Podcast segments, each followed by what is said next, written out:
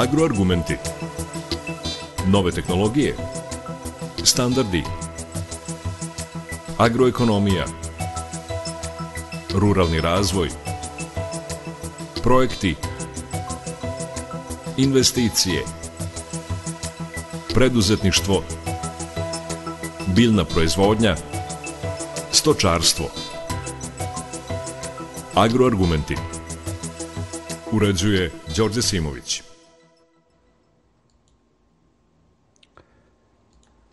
Poštovani slušalci, dobar dan. Danas je peti dan 89. Međunarodnog poljoprednog sajma. Danas je i porodični dan kada cela porodica može da uđe na sajam po ceni jedne ulaznice od 600 dinara. Mnogi su to iskoristili, na sajmu je poprilična gužva kakva se očekuje i sutra u četvrtak kada se tradicionalno održava dan stočara.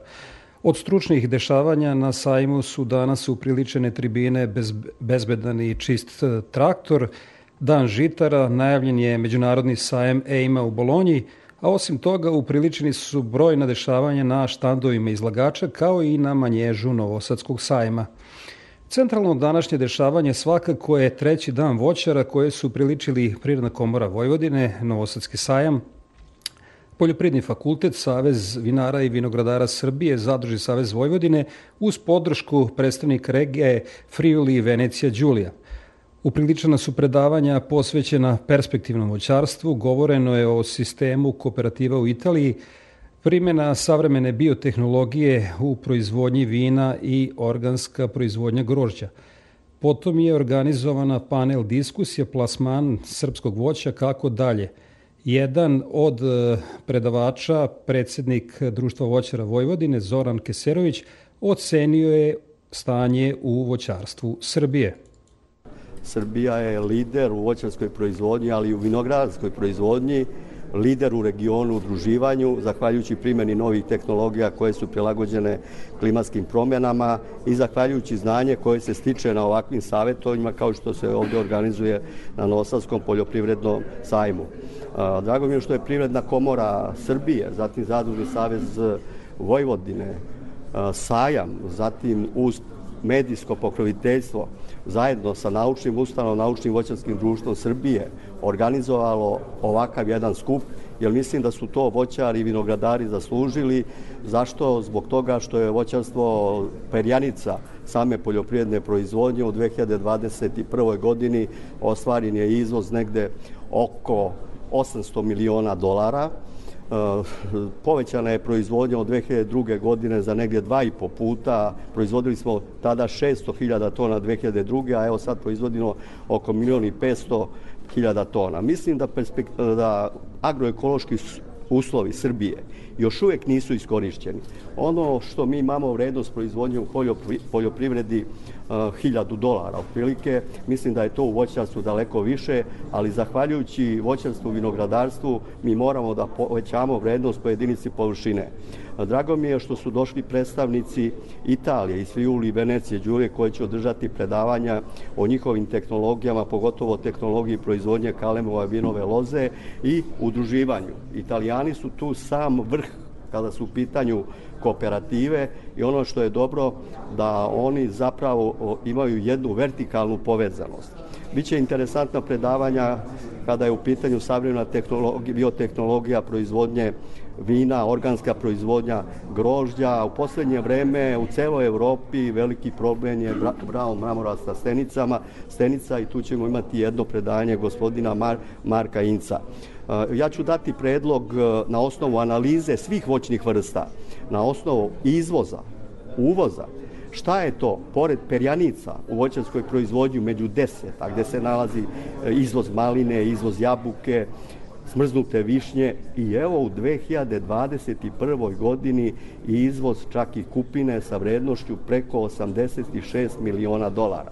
Vrlo brzo, među 10 izvoznih e, proizvoda naći će se i borovnica koja u posljednje 3-4 godine sa 3,4 miliona dolara u izvozu već je došla na 20 miliona dolara i ja očekujem ove godine da će ona preći 30 miliona dolara. Koje su to voćne vrste koje su deficitarne e, pored ovih voćnih vrsta? Sigurno u tehnologiji kruške nismo uradili dosta i imamo znači povećanje uvoza, smanjenje izvoza, zatim kod jezgastih voćnih vrsta, kod oraha i kod leske, isto bez obzira što su velike plantaže e, podignute leske i dalje Srbija daje negde oko 4,5 miliona dolara na uzvod plodova leske. Znači ovde imamo isto prostora. A gde je tu vertikalno voćarstvo, vinogradarstvo? Meni je drago što će u Italiji vrlo brzo organizovati znači jedan sajam o vertikalnoj poljoprivredi, zatim o algama i hrana za budućnost. Ja se nadam da će te informacije vrlo brzo doći ovde. Mi uvozimo negde preko 99% sadnog materijala, borovnice, jagode, zatim uh, oraha, znači da se tu nešto uradi na tehnologiji, da Srbija ne bude zavisna od uvoza sadnog materijala, nego da ovde to reši zajedno sa Ministarstvom za poljoprivredu, Ministarstvom za nauku, da se rade primenljivi znači projekti. Ima tu dosta stvari koja treba rešiti u Srbiji kad pitano voćarstvo. Treba polako stimulisati plasteničku proizvodnju, jer vidite, ona nije stimulisana od strane ministarstva.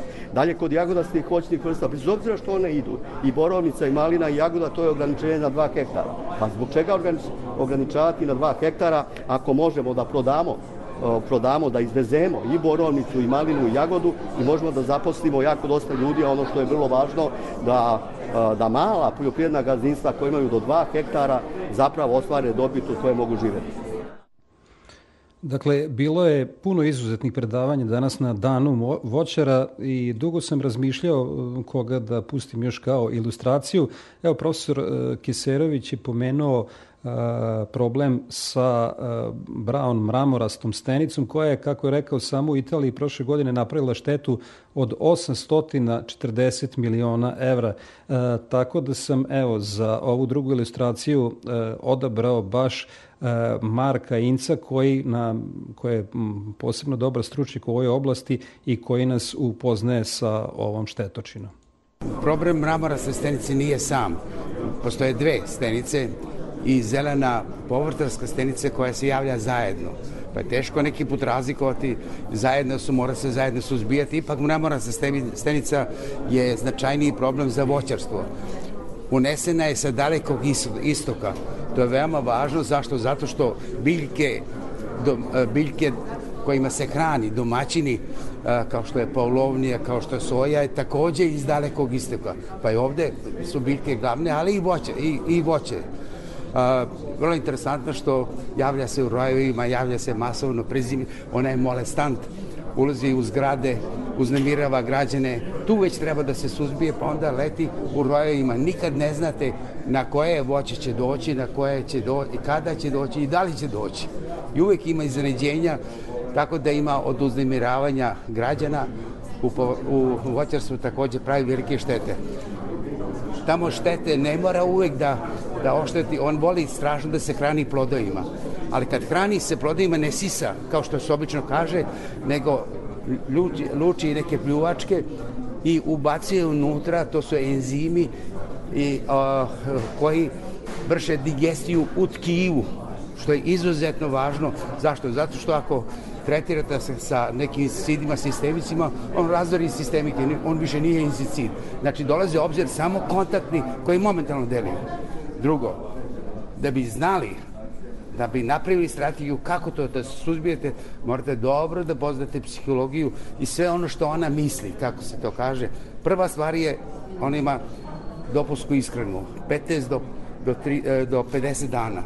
I ona se suzbije, znači samo odrasla sa prezimljavanjem dolazi na polovniju, dolazi na, na, na breskun i onda se suzbije tada kad položi jaja i kada se dođe do do pojave nimfi ili larvi, onda je kasno, onda je 10 do 30 puta se povećava. Cijela tajna je da se suzbije dok je, dok je u dopuskoj iskreni. Znači, druga stvar, što u inostranstvu postoji neka tendencija da se koriste insekticidi koji su registrovani da ne deluju na predatore, ali ne deluju na stenice. Pa mi uvodimo novi pojem registrovani, a ne efikasniji, a ne registrovani. Da se koriste, znači, ako hoćete jedan iz da koristite, ne možete ga koristiti u toj količini koja je registrovana. Morate da nađete koja je to. I onda, naravno, koristite, ocena je samo za 1 do 2 sata. Jer ona oštećuje plodove i o, ako ošteti plodove, onda je nisu za iskreno. Znači, najviše ima koštičevo voće razvija se na preko 170 vrsta, ali biljke, hraniteljke, koje se, znači one razvijaju, koje su mnogo važnije, u svega desetak do dva, možda 12 vrsta. I one otiču, one se jedne biljke hranitelj u rojima leti na drugo i nikad ne znate gde ćete. E sad, šta je još izuzetno, izuzetno važno, da morate poštovati sve uh, način ponašanja. Mora ujutru da se prska, kad je ona mirna, kad je dole, u toku dana le, leti. Uh, I uh, morate znati, pratiti Dakle, imamo problem sa stenicama, kako stvari stoje i kako se klima menja, imaćemo ih uh, sve uh, više. A sada ćemo pažnju posvetiti gostima u studiju. Sa nama je prvo uh, Mile Radisavljević iz kompanije ATP Irrigation. Uh, dobar dan i hvala je što ste se odazvali pozivu na gostovanje. Dobar dan i pozdrav svima u studiju i svim slušalcima. Profesor Keserović je danas na svom predavanju apostrofirao problem nedostatka kvalitetnog uh, sadnog materijala na tržištu. Vaš tim je napravio iskorak kada je reč pre svega o sadnicama maline i jagode. E, tako je. E, uspeli smo da ne, jednu od najboljih sorti koja uspeva na našem području, sortu Vilamet, obezbedimo u saradnji sa holandskim rasadnikom Visers, da obezbedimo sertifikovanu kontejnersku frigo sadnicu Vilameta, E, što znači da ona može da se programira njena sadnja kada nama to odgovara. E, mi preporučujemo svakako prolećnu sadnju, da se uradi na vreme priprema zemljišta, da se pripreme sistemi navodnjavanja i da se ona recimo sadi u popodnevnim satima, večernjim satima, pustite sistem navodnjavanja, mi u šali kažemo od 100 posađenih 101 se primi. U praksi to stvarno je prijem 100% i e, rezultati tih e, sadnica koje su prvi put sađene, znači ovog proleća jako, jako lepo napreduju. Očekujemo normalno dobar rod iduće godine, da se vrate oni prinosi koji su nekada bili po 30 tona po hektaru. E, sada ti malinjaci zasađeni pre 25 i više godina daju preko 20-25 tona, a svedoci smo da novi, nove plantaže, novi malinjaci stari svega 3, 4, 5 godina imaju prinose e, od nekoliko tona po 4, 5, 6, 7 tona teško koda dostigne 10-15 tona. To je sve posledica e, lošeg sadnog materijala što se sadnice uzimaju iz rodnih zasada i sa svakom novom generacijom njihov kvalitet i njihov genetski i rodni znači potencijal se smanjuje. Verujemo da ćemo sa ovim sadnim materijalom napraviti jedan preokret, odnosno zaokret, da tako možda bolje izrazimo, i da će prinosi početi da rastu. E sada, da li je ta sadnica koja stiže iz Holandije nužno za domaće voćare skuplja i ovaj, e, možda da apostrofirate da voćari moraju na vreme da misli kada e, razmišljaju podizanju zasada?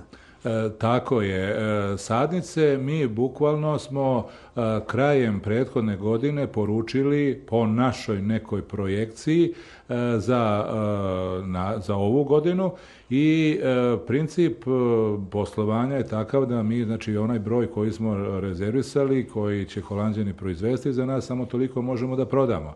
Rezervacije E, su 30% u odnosu na maloprodajnu cenu e, i one su plaćaju znači, pri rezervaciji, proizvođači dobijaju avansne račune kao garancije šta su platili, koji kvalitet, koju količinu e, i ostatak se uplaćuje neposredno pred uvoz, što znači da će biti negde početkom, polovinom februara 2023. jer ćemo uvoz raditi krajem februara februara da bi one dok stignu, su rade fitosertifikate, dok su ocarene, bile spremne za distribuciju od polovine marta 2023. pa kad kome e, odgovara da sadi. Dakle, o, moraju godinu dana unapred da razmišljaju da, voćari. Baš tako. Znači, to je jednostavno drugačiji pristup u odnosu na ono što smo do sada imali. Mora se na vreme razmišljati o podizanju uh, plantaža. A što se tiče cena, E, svedoci smo da su prošle jeseni ovog proleća e, cene e, sadnica iz rodnih zasada bile po 25-30 dinara, čak i više. Ovde, ovde je malo prodajna cena, znači cena sa PDV-om 85 dinara, znači za narednu sezonu, a kad vi na VP cenu dobijete neku subvenciju reda veličine 40-50 e, procenata, ta sadnica nije mnogo skuplja, a što se tiče e, cene, a što se tiče kvaliteta, razlika u prinosu je bar duplo. E, stari voćari kažu da e, kvalitetna sadnica nikad nije skupa, ali ipak i taj zasad maline se podiže za neki period od makar 20 godina. A šta se dešava sa jagodom? Znamo da ovog proleća mnogi naši voćari ovaj, se žale da, im, da imaju problema sa plasmanom. Da, ova godina je specifična zbog svih ovih dešavanja u Ukrajini i veliki je strah bio kod proizvođača uh, hoće li Rusi kupovati tu jagodu sa jedne strane, sa druge strane transportni putevi su se produžili i po kilometraži i po vremenu dospeća kamiona od mesta utovara do mesta istovara i to pravi velike, velike probleme.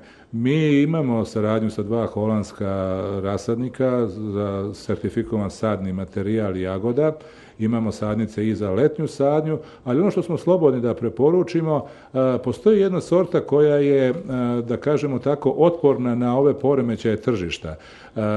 To je industrijska zenga zengana, znači neprevaziđena industrijska sorta koja je selekcionisana pre više od 50 godina, i do sada selekcioneri nisu uspjeli da stvore bolju industrijsku sortu. Zbog čega je ona pogodna?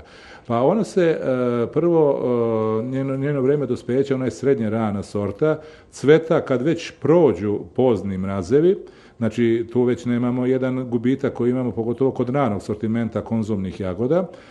Zatim, kod Zenga Zengane činjenica je da je cena nešto niža, ali prinosi, ako se stvarno ispoštuje tehnologija, mogu svakako da budu preko kilograma, naglašavam, ako se ispoštuje tehnologija i posadi kvalitetan sadni materijal. I ono što je isto bitno, hladnjačarima koji otkupljuju te, sadnice, te plodove, oni idu na duboko zamrzavanje, prodaju ih kada im cena na tržištu odgovara i mislim da je to svakako jedna dobitna kombinacija ili nešto o čemu proizvođači bar treba da razmišljaju, svakako će taj neki strah hoće li biti plasmana, hoće li biti izvoza, po kojoj će ceni dati, znači konzumna jagoda ne može da stoji 7 dana, 10 dana, 15 dana, dok ovu zenga zenganu hladnjačari veoma rado kupuju, zamrzavaju i plasiraju, možda se plasira u ogromnim količinama. S druge strane, sve veća zainteresovanost za gajanje borovnice kod naših investitora i proizvodnje je sve veća iz godine u godinu. Koje su argumenti kada pričate sa nekim potencijalnim investitorom, a koji nema baš puno veze sa voćarstvom, da uđe u proizvodnju borovnice?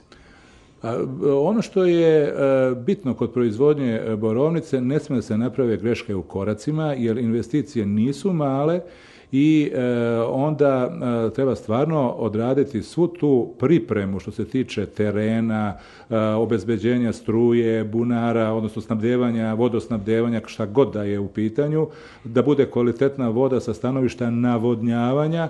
Sve te pripreme treba da se obave na vreme, da se sadni materijal takođe poruči na vreme, jer i mi i taj sadni materijal poručujemo minimum godinu dana unapred i e, ono čemu treba voditi računa, znači u Srbiji se već negdje oko 3000 hektara e, podiglo pod zasadima borovnice, međutim veliki broj tih hektara nije u punoj kondiciji, nije ni odgovarajući sortiment i tu ima nekih problema u proizvodnji, dosta ima problema što je sve e, uniforman, uniformna sorta, znači svi su uglavnom sadili djuk, koga činjenica ima u minusu na tržištu, ali može se dogoditi da e, u jednoj kalendarskoj nedelji imamo hiperprodukciju i kada to tržište ne može da absorbuje za 7 dana, na primjer. Tako da može doći do naglih poremećaja i pada cene. Ono što mi preporučujemo proizvođačima, pogotovo oni koji rade manje površine, do recimo reda veličine 2 hektara, da ne krenu odjednom sve sa jednom sortom i ne sa jednom voćnom vrstom. Jer e, evidentno je da je e, možda sada kod borovnice najveći problem radna snaga. Stiže u približno isto vrijeme kada stiže i malina i imamo kroničan nedostatak radne snage. To, o tome e, investitori treba da razmišljaju.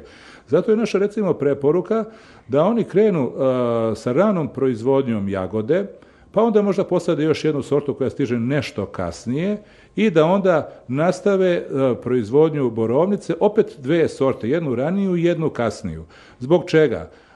Jagoda je prvo sezonsko sveže voće i ne, ja ne znam da neko nije prodao drugu klasu jagode, a kamoli prvu. Svako želi da kupi tu prvu domaću jagodu, ne onu iz uvoza koja je putovala 10-15 dana i već počela da menja boju, da se javljaju fleke na njoj, nego da kupi svežu domaću jagodu.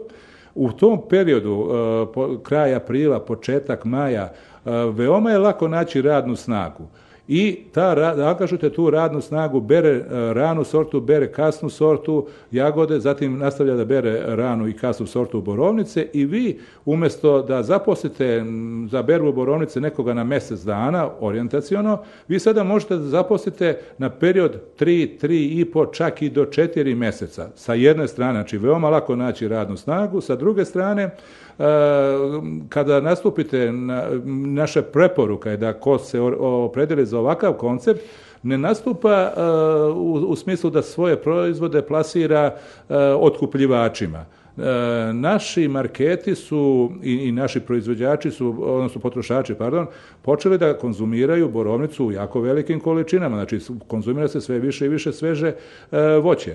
E, I da treba da se orijentišu na domaće markete. I sada kad vi kažete domaće marketu, ja mogu da vam u kontinuitetu od 3-4 meseca ponudim mesec, mesec i po dana jagodu, svežu jagodu i da vam ponudim mesec i po dva meseca svežu borovnicu, da li ćete vi biti ozbiljan igrač za taj market? Svakako da. I mislim da na taj način možete da veom sa malim brojem radnika uposlenim u nekom periodu 3 tri i po mjeseca do 4 obezbedite jedan dobar kontinuitet i jednu ekstra zaradu, a ne da prodate firmama koje će možda prvu, drugu berbu, pogotovo je to primjer kod borovnice, pa čak i kod jagode, plate dobru cenu, kad onda dođe ona puna berba, treća, četvrta, obore vam cenu i gdje ste bili, šta ste radili, znači zarada je otišla drugome, vi ste namučili se prvo od, podizanja plantaže, investiranja u tu plantažu, e, organizovanja proizvodnje, berbe, sve to i na kraju niste ostvarili neki profit. Ovo je pre svega priča za manje porodično gazdinstvo koje je bliže većim potrošačkim centrima, zar ne? Pa tako je, tako je. Znači, industrijska zenga zengana, to je negdje, za, recimo, e, jug Srbije jako, mislim, interesantno, gdje nema velikih potrošačkih centara, ali ova priča za kombinaciju e, proizvodnje e, jagode i, i borovnice, to je baš tako, kako ste rekli, za neka manja porodična gazdinstva, znači površine do, recimo, hektar, maksimum dva, ne više. Za te površine do dva hektara ostvarujete i nacionalne subvencije, ne morate da idete na IPART program e, i mislim da e, je to nama se čini i investitorima s kojima mi već razgovaramo kao otprilike neka win-win kombinacija. E sad, imperativ svima nama je da se e, zdravo hranimo, zdravo hranimo, zdravo ćemo se hraniti da ako u proizvodnji upotreba repromaterijala i pesticida bude svedena na najmanju e, moguću e, meru. Ono što je dobro za zemljište, dobro je takođe i za ljude i kada reč o poljoprednoj mehanizaciji, evo novitet poslednjih godina koji je ovde prisutan na sajmu, to su mašine za uništavanje korova bez upotrebe herbicida. O čemu se zapravo radi? ATP e, Irrigation je u saradnji sa italijanskom firmom Ingozi Group e, počeo da plasira na našem tržištu mašine koje uništavaju korove plamenom. Znači koristi se propan, pod dejstvom plamena, koje, znači njegovo dejstvo je kratkotajno, znači reda veličine je 1, 1,5 sekund, ali za taj 1-1,5 sekund um, dolazi do podizanja uh, temperature i ćelijska membrana puca, uh, znači sad taj sadržaj se prosipa, da tako nazovemo, biljka veoma, veoma brzo uh, odumire. Znači to je potpuno ekološki način uništavanja korova, bez upotrebe herbicida, a svedoci smo da se sve više i više aktivnih materija izbacuje iz upotrebe sa jedne strane, znači sa, sa druge strane strane zemljišta su puno zaražena, puno ima ostataka, to nam je recimo baš kod, kod proizvodnje borovnica koja se konzumira znači, u svežem stanju ide su, de, koja ide uglavnom za izvoz najviše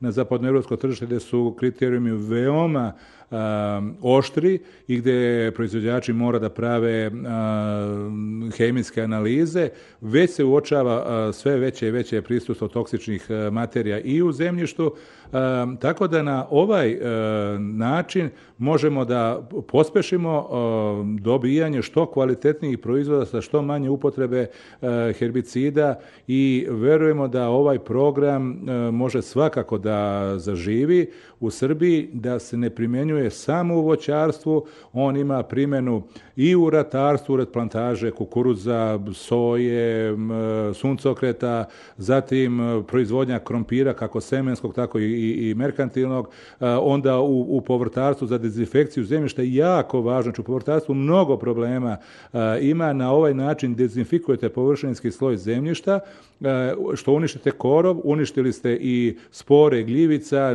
neke male insekte koji su tu prisutni i e, može, imamo znači mašine koje pored toga koristimo i u recimo u proizvodnji zelene salate, rukole, spanaća, veoma, veoma interesantan program. Imamo znači sajamske popuste, tako da proizvođači mogu da nam se obrate za, za pitanja. E, u redovnoj vegetaciji koliko ova mašina treba da se primeni? U redovnoj vegetaciji normalno zavisi od godine, tri do četiri puta. Znači tri do četiri puta.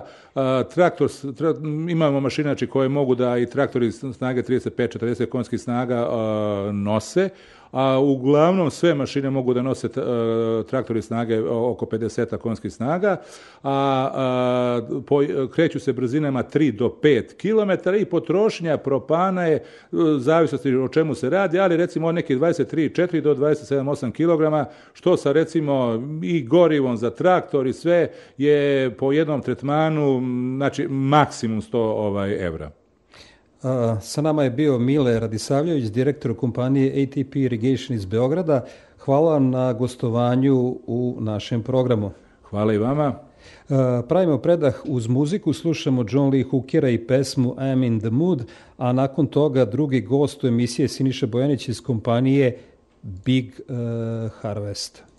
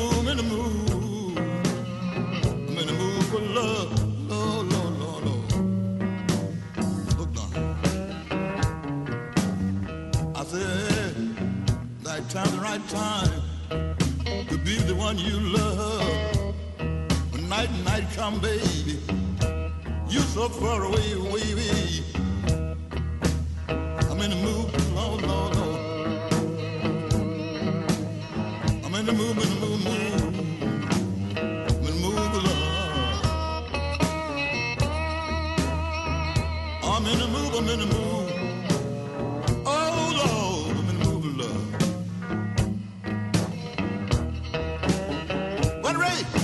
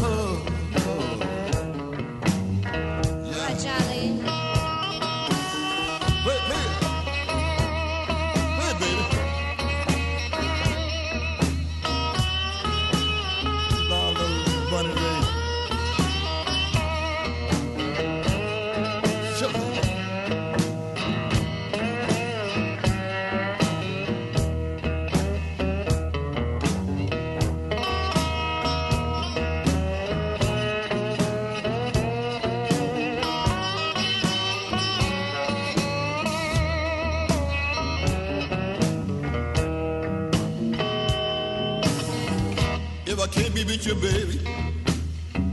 I don't want to be with no, no, no one else. I can't get my thrill, baby. I'm looking to be with you, you, you, you. Go night, night time, night time. Oh Lord, oh, I love to be with the one you love, you love. I'm in the mood, in the mood, baby.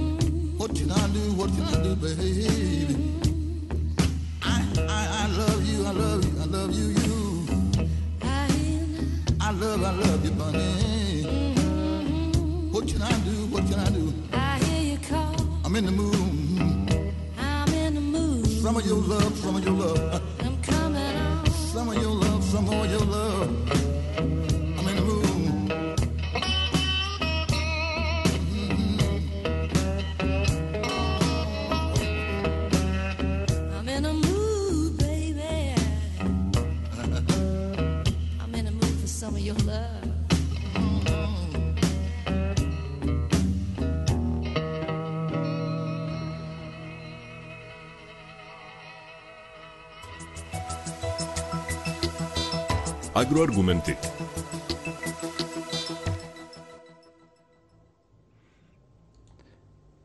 Šesnaest časova i e, 39 minuta. E, Vi slušate emisiju Agroargumenti uživo sa Poljoprivrednog sajma, tema je voćarstvo.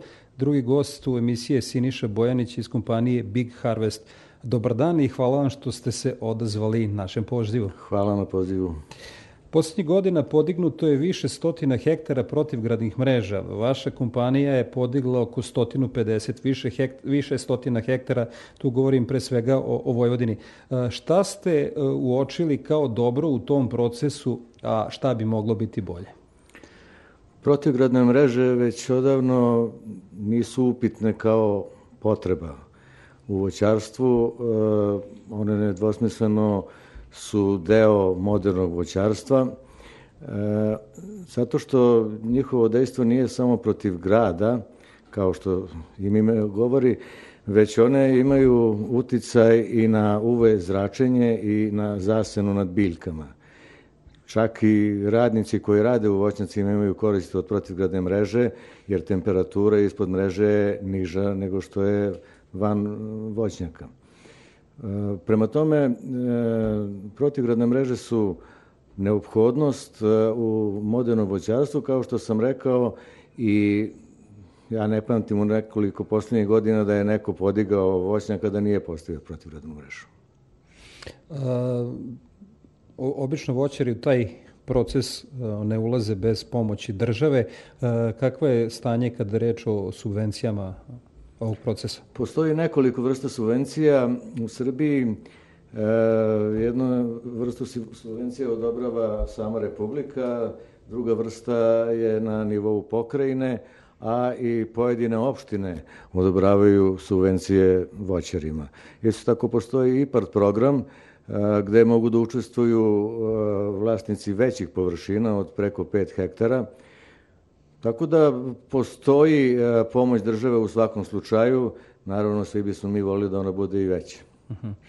A, Kada je reč o opremi, znamo da je ova situacija prvo sa korona krizom, a potom i sa ovom ratom u Ukrajini i nekako svi uvoznici ovaj, e, se žale, žale da im e, počev od uvoznika traktora najviše, kombajna pa do uvoznika i e, ostale opreme i ovaj e, i repromaterijala da kasni kada je reč o, elementima za podizanje e, protivgradne mreže koliko smo tu mi sada već prinuđeni da uvozimo elemenata iz inostranstva koliko je naša privreda osvojila te proizvodnje Situacija u pogledu toga se promenila dosta u poslednjih 4-5 godina.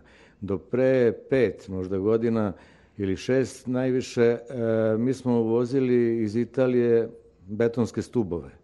Uvozili smo dakle beton. E, od 2016. godine postoji e, fabrika stubova u Inđiji, par godina pre toga je postojala fabrika stubova i u Beočinu i odmah nakon toga 2017. godine je otvorena još jedna fabrika stubova u Smederevskoj palanci, tako da sad u Srbiji ima tri fabrike stubova. S te strane, dakle, tržište je podmireno i zadovoljeno.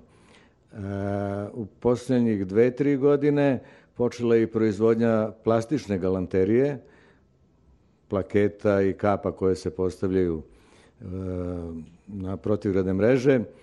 Eto i taj deo je onda zadovoljen. E, metalna galanterija se takođe proizvodi u Srbiji.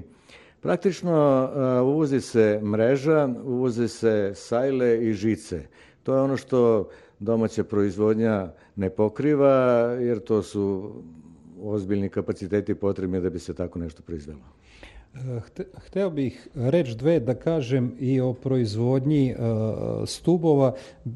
Na internetu se mogla naći na grupa, grupama koje okupljaju voćare neke fotografije da vidimo usled uh, jakog olujnog vektra i tako dalje, situacije negde, ponegde da su, se dešava i da puknu betonski stubovi. Šta stub uh, mora da zadovolji i, i da bi ga ocenili kao kvalitetan betonski stub, pošto ni stubovi nisu isti? Teško da su tu u pitanju samo stubovi. Stup sam od sebe neće pući bez obzira na vremenske uslove, jer to je ceo sistem.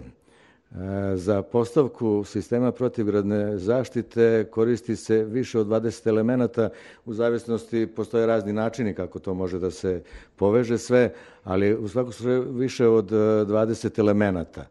Svaki taj element mora biti kvalitetan, ne samo stup. To je jedna stvar, druga stvar je sve to treba kvalitetno i uraditi na terenu.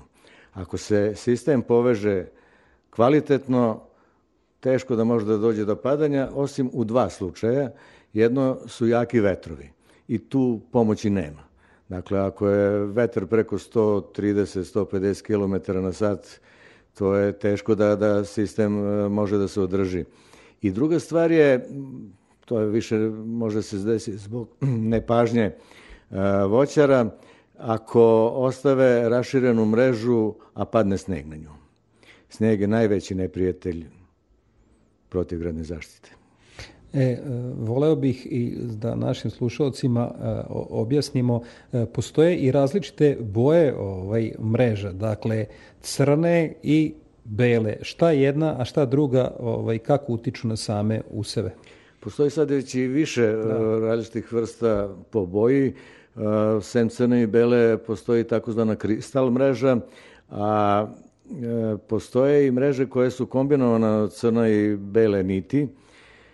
To sve e, zavisi od sadnica. Mi smo pre tri godine otprilike počeli prvi da postavljamo belu mrežu u konsultaciji sa e, proizvođačima sadnica i u konsultaciji sa agronomima i u konsultaciji sa proizvođačima mreže. E, za borovnicu je preporučeno da se koristi bela mreža, zato što ona ima bolju disperziju sunčeve svetlosti i u tim danima pre nego što počne berba plod brže sazreva ako je ispod bele mreže.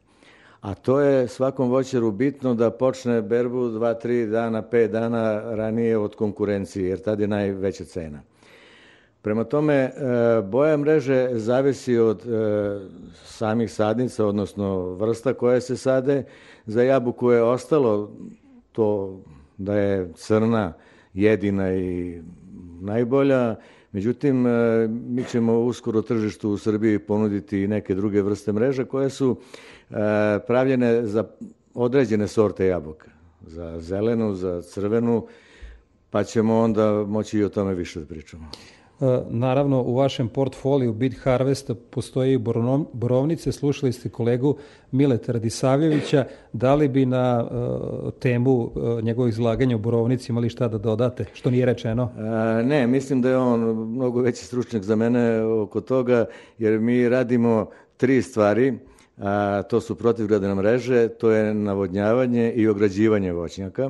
A, sa sadnicama se ne bavimo, tako da mislim da je Mile rekao sve kako treba. I evo, za kraj e, znamo koliko je problem e, nedostatka kvalitetne radne snage širom Evrope, pa tako naravno to je slučaj i u Srbiji, e, podizanje protivgradnih, zas, protivgradnih mreža na, na, na više hektara je zahtevan i veliki posao i treba oformiti dobar tim. Kakav tim ima Big Harvest? Mi smo imali sreću da smo od početka rada, mi smo mlada firma, e, postojimo od 2018. godine, ali sa velikim iskustvom u tom poslu. Kad kažem iskustvo u poslu, mislim najpre upravo na radnike koji postavljaju sisteme. E, to je ekipa iz jednog malog mesta Ljuba kod Erdevika, koja je još 2006. i 2007. godine postavila prvi voćnjak sa protivgradnom mrežom u Srbiji, a to je voćnjak e, u vlasništvu Delta Agrara u Čelarevu.